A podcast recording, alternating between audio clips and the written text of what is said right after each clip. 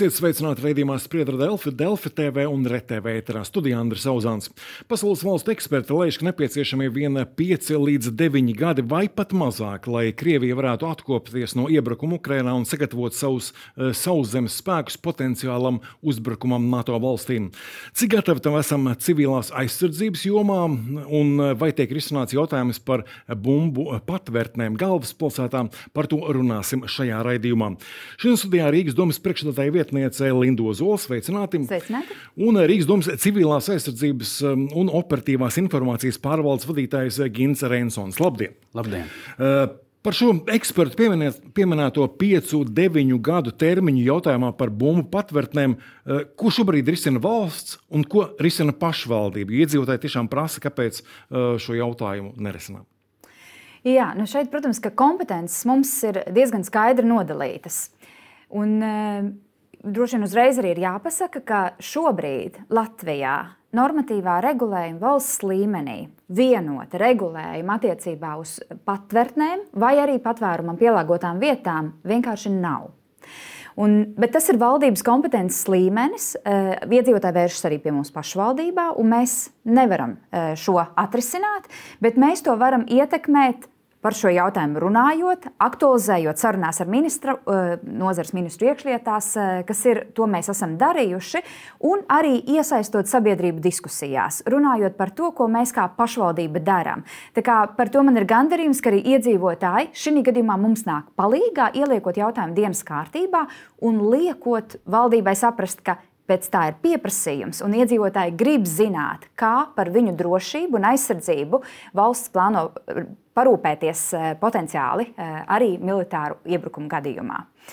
Šī gadījumā Rīga, kā lielākā pašvaldība, šobrīd apzina to situāciju, kāda mums ir ar to mantojumu, kas mums ir palicis arī no padomu laika, bet arī no pirmās neatkarības laika attiecībā uz patvērtnēm. Uh, Apzinot šo mantojumu, protams, mums tālāk ir jāvērtē, un te mēs iesaistām, protams, arī valsts eksp eh, līmeņa ekspertus, arī no Nacionālajiem bruņotajiem spēkiem, valsts ugunsdzēsības glābšanas dienesta, lai saprastu, vai tas mantojums ir joprojām izmantojams un pielāgojams. Varbūt, ka nav. Un kādas ir tie mūsu nākamie soļi uz nākotni? Vēl šajā sarunā mums ir jāsaprot, ka mēs runājam par patvērtnēm, bumbu patvērtnes Tur ir tādas augstākas prasības, bet mēs runājam arī par drošam patvērumam pielāgotām vietām. Un tas, ko šobrīd mēs kā pašvaldība varam darīt, ir pirmos soļus spērt, eh, sakārtojot apzīmējot, marķējot, e, izglītojot arī iedzīvotājus par to, kur mums pilsētā ir drošam patvērumam pielāgotas vietas. Un es domāju, ka tas, ko iedzīvotāji pirmais, ko viņi arī redzēs, patiesībā būs darbs tieši ar šo segmentu, e, kur e, nu, savas iestrādes un, un mājas darbu apzināšanas daļā mēs jau esam veikuši. Bet, protams, ka marķējums publiskajā telpā nu, tam arī ir jābūt vienotam visā valstī. Nu, nevar būt tā, ka Rīgā, kā pašvaldībā, šis marķējums piemēram, ir viena veida un, un citās pašvaldībās atšķirīgs. Arī šeit mums prasītos tomēr pēc vienotas pieejas un tāda regulējuma no valdības puses. Uh, Bet nu, mēģināsim saziņā ar, ar valsts eh, iestāžu atbildīgajiem, eh, tomēr nu, nu, nākamā gada laikā jau tikt pie kaut kā redzama arī eh, pilsētā. Kas tad šobrīd šajā Rīgas domas apsekojumā ir secināts? Esam secinājuši, ka kā minimums Rīgā ir 355 unikāli objekti, ko, ko ar to mēs uh, sakam. Tas nozīmē, ka ir projektētas bumbu portvērtnes, kuras nav uzceltas, ir, ir bijušas uzceltas un demontētas, kā arī ir pastāvošas. Tās pastāvošās, kuras ir uz vietas, ja šobrīd dažas ir labā stāvoklī, citas netik labā stāvoklī. Ja? Un, un pēc būtības to, ko mums šobrīd jādara, tie 355 objekti būtu jāapseko. Ja? Bet, lai tas darbs būtu tāds produktīvs, arī, protams, būtu ļoti labi, ja būtu šis būvnormatīvs, kurš pasaka, kādiem kritērijiem viņām būtu jāatbilst, jo tad atbilstoši mēs arī sastādītu rīcības plānu, kā šīs bumbu patvērtnes varētu sakārtot. Tad uh, es saprotu, ka šie 355 objekti ir atrasti faktiski tikai uz papīra. Ne visi ir eh, reāli dzīvē apsakoti. Jā, precīzi. Uh, cik teorētiski cilvēkiem vietas tur pietiktu patvērties šajās te, nu, 355 bumbu patvērtnēs, ja atklātos, ka visas tās ir reāli izmantojamas? Jā, tātad līdz 2008. gadam pieejamajos vēsturiskajos materiālos mēs redzam, ka orientējuši tas bija paredzēts uz 90 tūkstošu iedzīvotājiem. Uh, gribētu arī dzirdēt par to, kā mums valstī ir šī bumbu patvērtņu un drošo patvērumu vietu vēsture. Nu, tad sanāk, ka augstā kara laikos to bija visvairāk. Viennozīmīgi Padomju Savienības vai Padomju okupācijas laikā šai jomai tika pievērsta īpaša uzmanība, un šis uh, tā, civil, civilo aizsargu būvju tīkls tika ļoti apzināti veidots.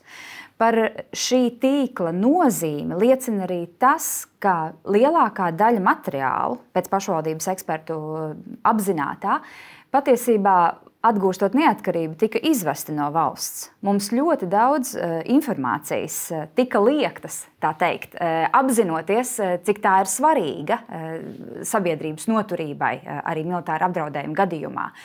Tā kā šobrīd, jā, bet jāsaka, ka šī attīstība sākās pirmās neatkarības laikā. Un zīmīgi, ka Pati pirmā bumbu patvērtne, e, šobrīd, kas tika izveidota Rīgā, ir ļoti labi saglabājusies. Viņa atrodas Jāņa Asara ielā, un, un tā ir Stradiņu universitātes paspārnē esoša iestāde, kas ir tiešām ļoti labi rūpējusies. Tas, nu, tas tāds simboliski, man liekas, svarīgs solis, ka viņa absolūti joprojām ir izmantojama kā, kā, kā patvērtne. Ne tikai drošam patvērumam pielāgot telpu, bet arī kā patvērtne. Bet eh, man liekas, ka ļoti izšķirīgs šobrīd eh, lēmums, kas mums kā sabiedrībai un, protams, lēmumu pieņēmējiem valdībā ir jāizdara skatoties nākotnē. Kā mēs šo patvērtņu eh, vai patvērumam pielāgoto telpu tīklu attīstam, domājot par mūsu iedzīvotāju aizsardzību. Es saprotu, šobrīd ir ministrijām dažādi viedokļi par to, eh, vai mums obligāti ir jāveido šāds tīkls, vai dzīvojamās mājās, kas tiks būvētas no jauna šādam eh, nu, pagrabstāvā, šādam, eh, šādai vietai vai telpai ir jābūt. Un, un tur ir dažādi viedokļi iekšlietu nozares pusē un ekonomikas ministrijas pusē. Bet, nu, diemžēl, kopš kara Ukrainā jau ir pagājuši vairāk kā gads un deviņi mēneši. Mēs neesam izkustējušies no vietas eh, ar šo regulējumu. Ministriju domstarpībām eh, nedrīkst būt lielāka nozīme kā valsts civiliedzīvotāju aizsardzībai. Un šeit viennozīmīgi nu, valdības līmenī, ja to nevar izdarīt viens ministrs, tad viņam ir jāņem tālāk arī premjerministrs un eh, skaidrai virzībai par ko tiek informēta arī sabiedrība, ļoti svarīgi arī pašvaldības, lai mēs varam plānot savus darbus. Galvaspilsēta ir gatava eh, plānot darbus eh, šī, eh, šāda tīkla izveidai un sakārtošanai, bet nu, to, tās prasības un kritērijus, nu, tiem ir jābūt vienādiem, tiem ir jānāk no augšas. Nu, tas ir tas, kas mums šobrīd ir iebuksējis. Cik ilgā laikā Rīgā kaut ko var vispār izdarīt? Runājot gan par šīm drošajām patvērumu vietām, gan arī kaut kādām nopietnākām bumbu patvērtnēm. Tātad, ja gadījumā apdraudējums būtu diezgan teiksim, tā, reāls, tad to mēs arī darītu jau nākamajā dienā pielāgotu telpas, jo mēs esam pētījuši pieredzi, gan, kas ir gūta Ukrajinā. Jā, esam konsultējušies arī ar Izraels un uh, Somijas pārstāvjiem, kas pārstāv civilās aizsardzības jomas. Uh, Pielāgot telpas var saka, pat vairāku stundu laikā, pat tās, teiksim, kuras šobrīd nav redzes lokā mūsu. Ja? Tāpēc arī ir, esam izstrādājuši un jaunajā civilās aizsardzības plānā būs ieliktas vadlīnijas, kā sakārtot un pielāgot daudzdzīvokļu ēklu pagrabus. Vai šobrīd kaut viena no tām 355 jūsu pieminētajām telpām ir tāda, kas jau tagad, eh, jau rīt būtu izmantojama kā patvērta? Jā, esam paspējuši apsakot 28 no, no tā saraksta bumbu patvērtnēm, un vairākas no viņām ir tiešām labas, lai tur varētu patvērties. Padomju laikos bija nu, tāds mīts, vai vismaz nu, daudz cilvēku uzskatīja, ka tajās patvērtnēs nu, vietas varētu pietikt visiem. Bet tas taču ir mīts. Nu, tas uh, tomēr ir tikai mīts. Uh, nebija. Arī padomju laikos nebija visiem civiliedzīvotājiem paredzēta uh, vieta uh, kara gadījumā. Eh, šajās patvērtnēs. Protams, ka prioritāte bija eh, valdībai un valsts līmeņa eh, lēmumu pieņēmējiem, atsevišķiem strateģiskiem uzņēmumiem. Par to tika domāts rūpniecības uzņēmumiem un viņu darbiniekiem. Civiliedzīvotāji bija nu, teikt, zemākajā prioritātes kategorijā ievietoti. Tas, ir, tas, tas tiešām ir tikai mīts. Bet, lai būtu kā būtu bijis padomju okupācijas laikā, kas mums ir svarīgi šobrīd, ka arī mācoties no Ukrainas pieredzes, mēs esam runājuši un esam arī kontaktā, un cik mums ir informācija, arī tāpat mūsu bruņotie spēki ar uzņēmējiem, kas tūlītēji apdraudējuma gadījumā varētu arī ļoti, ļoti operatīvi nodrošināt patvērumam pielāgotu konstrukciju izveidi. Eh, nu, Kā tas varētu fiziski izskatīties? Eh, nu, tad, tad Ukrainā mums ir pieredze, protams, arī ar uzņēmējiem, kas eh, būvē nu, virzemē esošas, bet dzelzbetona konstrukcijas, kurās var patvērties vienlaikus ja tas ir tiešām tūlītais apdraudējums, eh, zaļajā, pilsētu zaļajās zonās arī eh, var rakt eh, nu, zem zemes, zem zemes nulles līmeņa esošas konstrukcijas veidot, jo, kas ir jāapzinās, lielākā daļa civiliedzīvotāji, kas iet bojā, ja notiek kara darbība pilsētu vidē, ir nevis no tiešiem trāpījumiem, bet no šķembām, no visa tā, kas horizontāli lido pa gaisu. Logu stikliem tā skaitā. Logu stikliem tā skaitā. E, arī mana pieredze, e, runājot ar mūsu Izraels kolēģiem, un arī esot e, klātienē un tiešām ar viņu aizsardzības ekspertiem pašā Izrēlā, ir, ka tur ļoti liela uzmanība tiek pievērsta drošības kultūrai, tādā ziņā, ka arī tiek izglītoti iedzīvotāji, un iedzīvotāji, kas ir ļoti svarīgi, respektē e, šīs prasības, kas ir jādara atskanot sirēnām. Tad, un arī, vien, ja nav pieeja bumbu e, patvērtnē vai citam patvērumam, cilvēkam ir jānoguļās vienkārši uz zemes ar galvu uz leju un jāliek rokas uz, uz pakauša. Un tādā pozā cilvēks ir vispasargātākais, ja vien viņš nevar atrasties kādā patvērumā, kas tikai apliecina to faktu, ka lielākā daļa civiliedzīvotāju, ja ir kara darbība pilsētvidē, iet bojā tieši no horizontālā līmenī lidojošiem objektiem. Eh, tāpēc arī jebkādas konstrukcijas veidojot zem zemes nulles līmeņa, pat ja tās ir pagaidu, pat ja tās ir nu, ļoti, ļoti ātri veidotas, ir drošākas civiliedzīvotāju pasargāšanai. Bet, bet um, daudz dzīvokļu māju pagrabtelpas, piemēram, nu, vai tas tiešām ir drošs patvērums militāru uzbrukumu gadījumā, um, jo ēka virs šīs patvērtnes, virs pagraba, uh, piemēram, raķešu trieciena rezultātā var taču sagrūt. Un tad tos cilvēkus dabūt laukā būs vēl grūtāk. Jā, viss ir atkarīgs no mājas projekta, no tā, kā viņi ir būvēta un ar kā, kādam mērķim. Jā, un to, ko mēs esam konstatējuši tieši, jā, kad eh, Staļina laika projektu mājās eh, ir eh, šīs te, bumbu patvērtnes, tāpat arī 602. sērijas īpašos teiksim, sērijas. Projekta, projektos ir šīs drošās telpas, tāpat arī 467. Jā, protams, viņas ir eh, jāatrod. Mēs re, es, esam uzgājuši vairākus tādus risinājumus, ne visos, bet, eh, ja ir vairākas izējas eh, tām ēkām, ja ir tās nostiprinātās, saka, pagraba sijas un, un, un jā, ventilācijas risinājumi, jā, tad viņas ir drošas jā, patvērumam.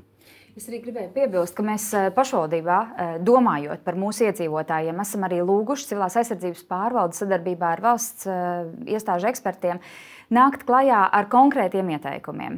Kā cilvēkiem šobrīd, pie tās regulējuma vakuma valsts līmenī, kas mums ir, tomēr savu iespēju robežās sakārtot pagrabus, lai viņi ir Nu, tātad gan eh, tīri, tīri eh, iztīrīti, gan tās pamatlietas, kurām tur būtu jābūt krīzes situācijā, eh, tiktu tur novietotas.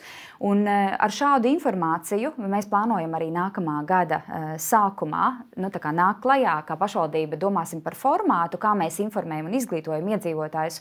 Bet aicinam, un tas ir arī no manas personīga aicinājums, ikvienu drošības kultūru uztvert šobrīd ļoti, ļoti nopietni. Ehm, jo trakākais, kas ir, kad mēs eh, baidamies, jo esam neziņā, bet vienkārši gribētu uzzināt arī to informāciju, ko jums pašvaldības sniedz, kā sevi pasargāt, kā sakārtot vidi ap sevi un ne tikai uzzināt to, bet to arī izdarīt.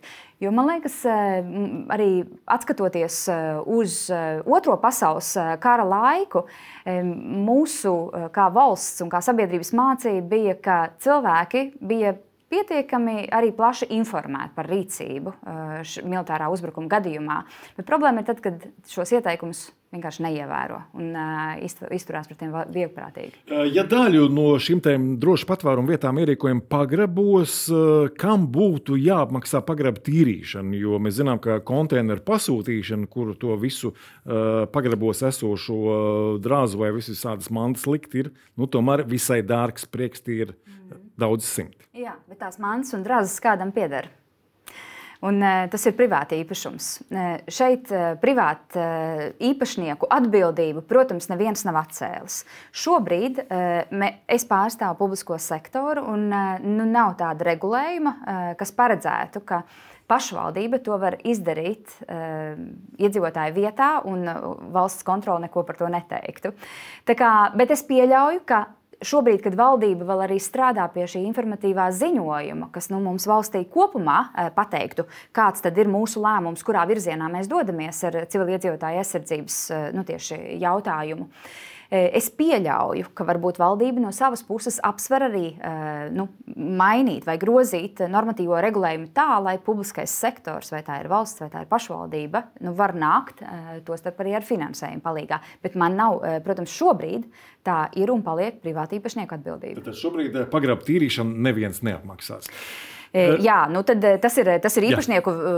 lēmums par to, kā apsaimniekotājs to izdara un iedzīvotāji šīs izmaksas sedz. Uh, Cita lieta - tuneļi un autostāvvietas. Cik eh, drošas ir šīs vietas, lai patvērtos? Starptautiskā pieredze rāda, ka viņas arī ir drošas, eh, ir jāizvērtē, protams, um, katra būve. Ja, tikai tad viņi var marķēt kā drošu patvērumam telpu. Jā, bet praksa rāda, ka jā, viņas tiek izmantotas. Bet, vai lielākā daļa no šiem tuneļiem un autostāvvietām būtu pietiekami droši, vai tas ir konkrēti atkarīgs tikai no katra konkrētā. Katru objektu ir jāizvērtē, objekta, jā. jo šobrīd viņas netika būvētas kā patvērumam pielāgotās telpas. Ja, līdz ar to ir jāvērtē. Ja, jo, teiksim, tur, kur uh, tuneļos uh, tiek mesti līkumi, tā, tā ir drošāks viennozīmīgi. Ieejas tuneļos ir jāizvērtē. Ja, teiksim, arī uh, valsts apdraudējuma gadījumā tuneļu ieejas būtu vai nu ar um, smilšu maisiem jāapliek, vai, vai jāuzliek tās konteineru, dzelzbetona konteineru tipa kaut kāda risinājuma, ja, lai, lai ne, netiek tieši ratiņi ja, iekšā tajā tunelī. Tad viņas būtu patvērumā pielāgotas. Cik daudz laika būtu nepieciešams, lai izpētītu šo te, cik droši ir šie katrs konkrētais tunelis vai autostāvvieta? Jā, mēs jau to darbu esam uzsākuši. Esam apzinājuši visus tuneļus, kas ir Rīgā, kā arī šobrīd iegūstam informāciju par pazemes šīm autostāvvietām un pazemes noliktavām. Un uzsāksim darbu arī pie to teiksim, tiesisko valdītāju īpašnieku komunikācijas ar viņiem, jā, lai tālāk jau izvērtētu to atbilstību patvērumam. Un, man liekas, viena iniciatīva, kas ir tiešām apsveicama, ka liekot šo jautājumu publiskajā dienas kārtībā, tas, ko mēs redzam, ka mums ir arī, piemēram, komersanti piemēram, un arī iedzīvotāji, kas vēršas pie pašvaldības un informē eh, par eh, vai tās ir patvērumam pielāgotas uh, telpas, kas ir viņu īpašumā, uh, par ko mēs varbūt nemaz kā pašvaldība vēl nezinām, vai tās jau ir patvērtnes, kas ir kādā mantojumā no, no, no okupācijas perioda vēl, vēl palikušas. Un arī šī informācija visa tiek apkopota, un mūsu civilās aizsardzības eksperti ar katru sazināsies un, un arī apsekos šīs vietas. Tā kā tad, atsaucība no sabiedrības Rīgā, tie, tiešām to, mēs to ļoti novērtējam. Tad, tad teorētiski šis saraksts ar 300 155 bumbu patvērtnēm vai arī droši patvērumu vietām, piemērotām vietām, vēl varētu būt papildināts. Viennozīmīgi. Viņš man liekas, ka jau uh, ir droši vien de facto, uh, jau, jau šobrīd tas cipars ir, ir lielāks, ņemot vērā uh, sabiedrības iesaisti. Tātad šobrīd tiek runāts par atbalsta programmu pazemes telpu labiekārtošanai un pārveidē par patvērtnēm bez atbalsta, valsts atbalsta. Tā ir vai nav iespējama? Mēs e, šobrīd arī vērtējam iespēju pašvaldībai veidot līdzfinansējumu programmu. Tur arī man vajag dažas vēl joprojām dažas atbildes uz juridiskām niansēm, tostarp eh, vai esošā likuma ietvaros, kā, kāds ir interpretācija no ekonomikas ministrijas, no eh, pašvaldību ministrijas, eh, vai mēs to drīkstam darīt. Jo mēs kā pašvaldība nevaram darīt to, kas mums nav atļauts. Tā kā jāsaprot, vai, vai mēs to drīkstam darīt, un ja jā, tad jā, mēs Rīgas pusē noteikti vērtēsim iespēju izveidot arī šādu līdzfinansējumu programmu tieši pagrabu sakārtošanai. Vēl viena tehniska lieta, gribēju precizēt, bumbu patvērtņu četras drošības kategorijas. Ko tās nozīmē? Jā, tā tad padomju laikā ēku būvniecībā, tieši aizsargu būvniecībā bija šīs četras kategorijas. Pirmā kategorija bija masu iznīcināšanas teiksim, ieroču aizsardzībai tieši vadības līmenim, jā, teiksim, augstranga vadībai. Un tālāk jau otrā, trešā grupa bija pie rūpnīcām. Rūpnīcās iekšā būvētās vai blakus rūpnīcas teritorijās izbūvētās bumbu patvērtnes. Un ceturtā tā daudz dzīvokļu ēkas un atsevišķi stāvošas arī aizsargbūves.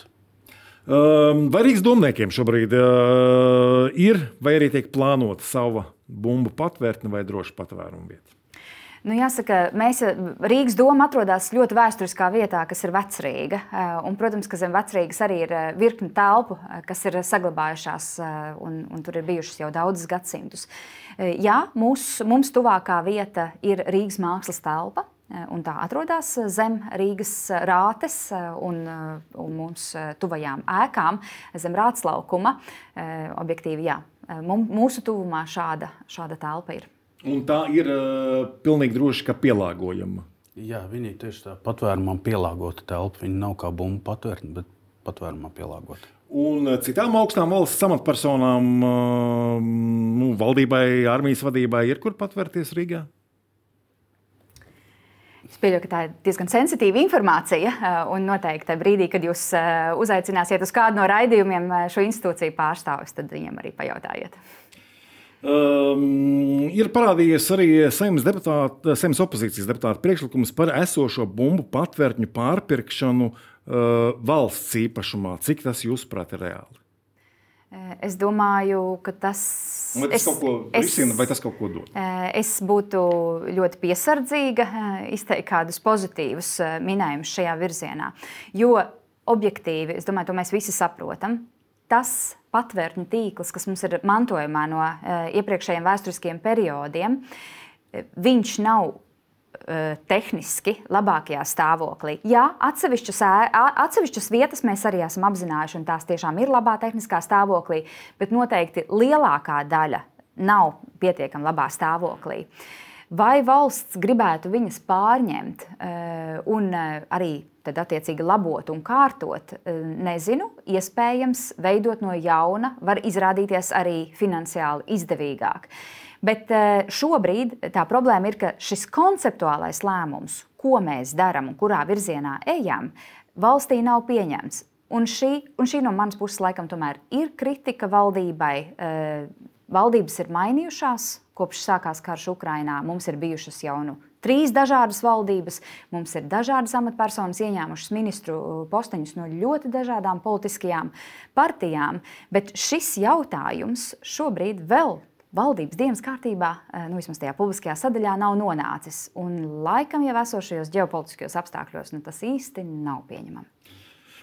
Par bumbu patvērtnēm runājot, bieži tiek pieminēts Helsinku piemērs. Helsinku iedzīvotājiem pieejamas 9000 bumbu patvērtnes, kas var uzņemt 900 tūkstošus cilvēku. Tas nozīmē, ka tajās ir vieta gan visiem, pilnīgi visiem pilsētas iedzīvotājiem, gan arī pilsētas viesiem vai Rīgai. Nu, kaut vai pēc ļoti daudziem gadiem ir reāli uzbūvēt eh, jaunas patvērtnes lielākam cilvēku skaitam nekā Rīgā dzīvo. Uh, nu, jūs droši vien esat konsultējies arī ar citu valstu speciālistiem. Jā, viennozīmīgi mums būs vairākas desmit gadus nepieciešams, lai izveidotu teiksim, visiem 100% iedzīvotāju, ja, plus vēl pilsētas apmeklētājiem, ja, bet tas ir reāli, ir vienkārši jāsāk. Ir jāsāk ar pirmajām, jāsavada kārtībā šīs bumbu patvērnes un jābūvē jaunas.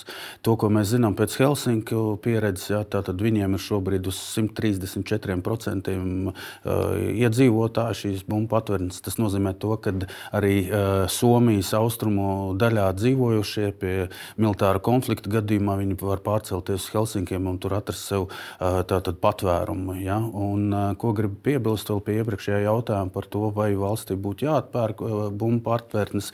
Tieši Helsinki un, un Somijas piemērs rāda to, ka vislabākais, kad bumbu patvērtne ir privātā sektora pārziņā, tur ir tas dubultais pielietojums, vai tur ir sporta zāle, kāda ierakstu studija vai pat baseini, pazemes autostāvvietas, bet valsts nāk pretī, pieņemsim, ar samazinātu nekustamā īpašuma nodokli.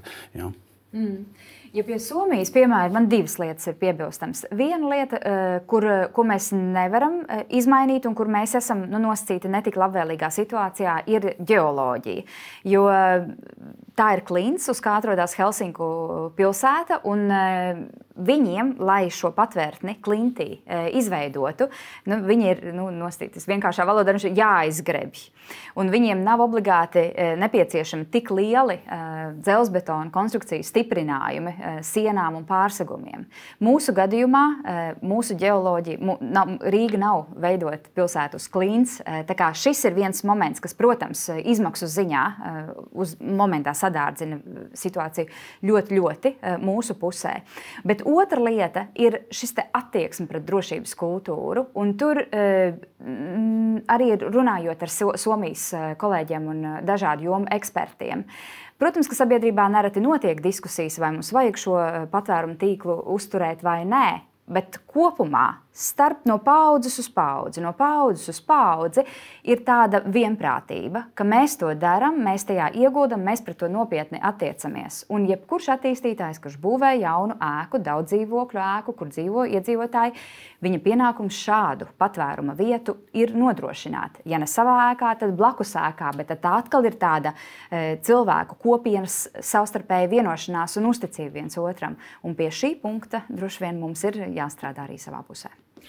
Cik reāli, nu, ņemot vērā visus par un pret, ir mūsu būvniecības normatīvos noteikti, ka dzīvojamām un publiskajām ēkām, kuras tiek vai nu celtas no jauna, vai arī rekonstruētas, nu, ir jāparedz šāda bumbu patvērtnē. Mans personīgais viedoklis, ka tas ir ļoti reāli.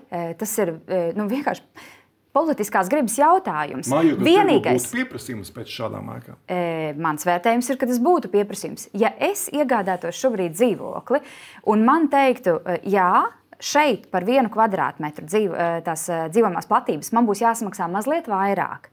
Bet tai ēkai ir arī drošā patvēruma vieta vai patvērne pagrabstāvā.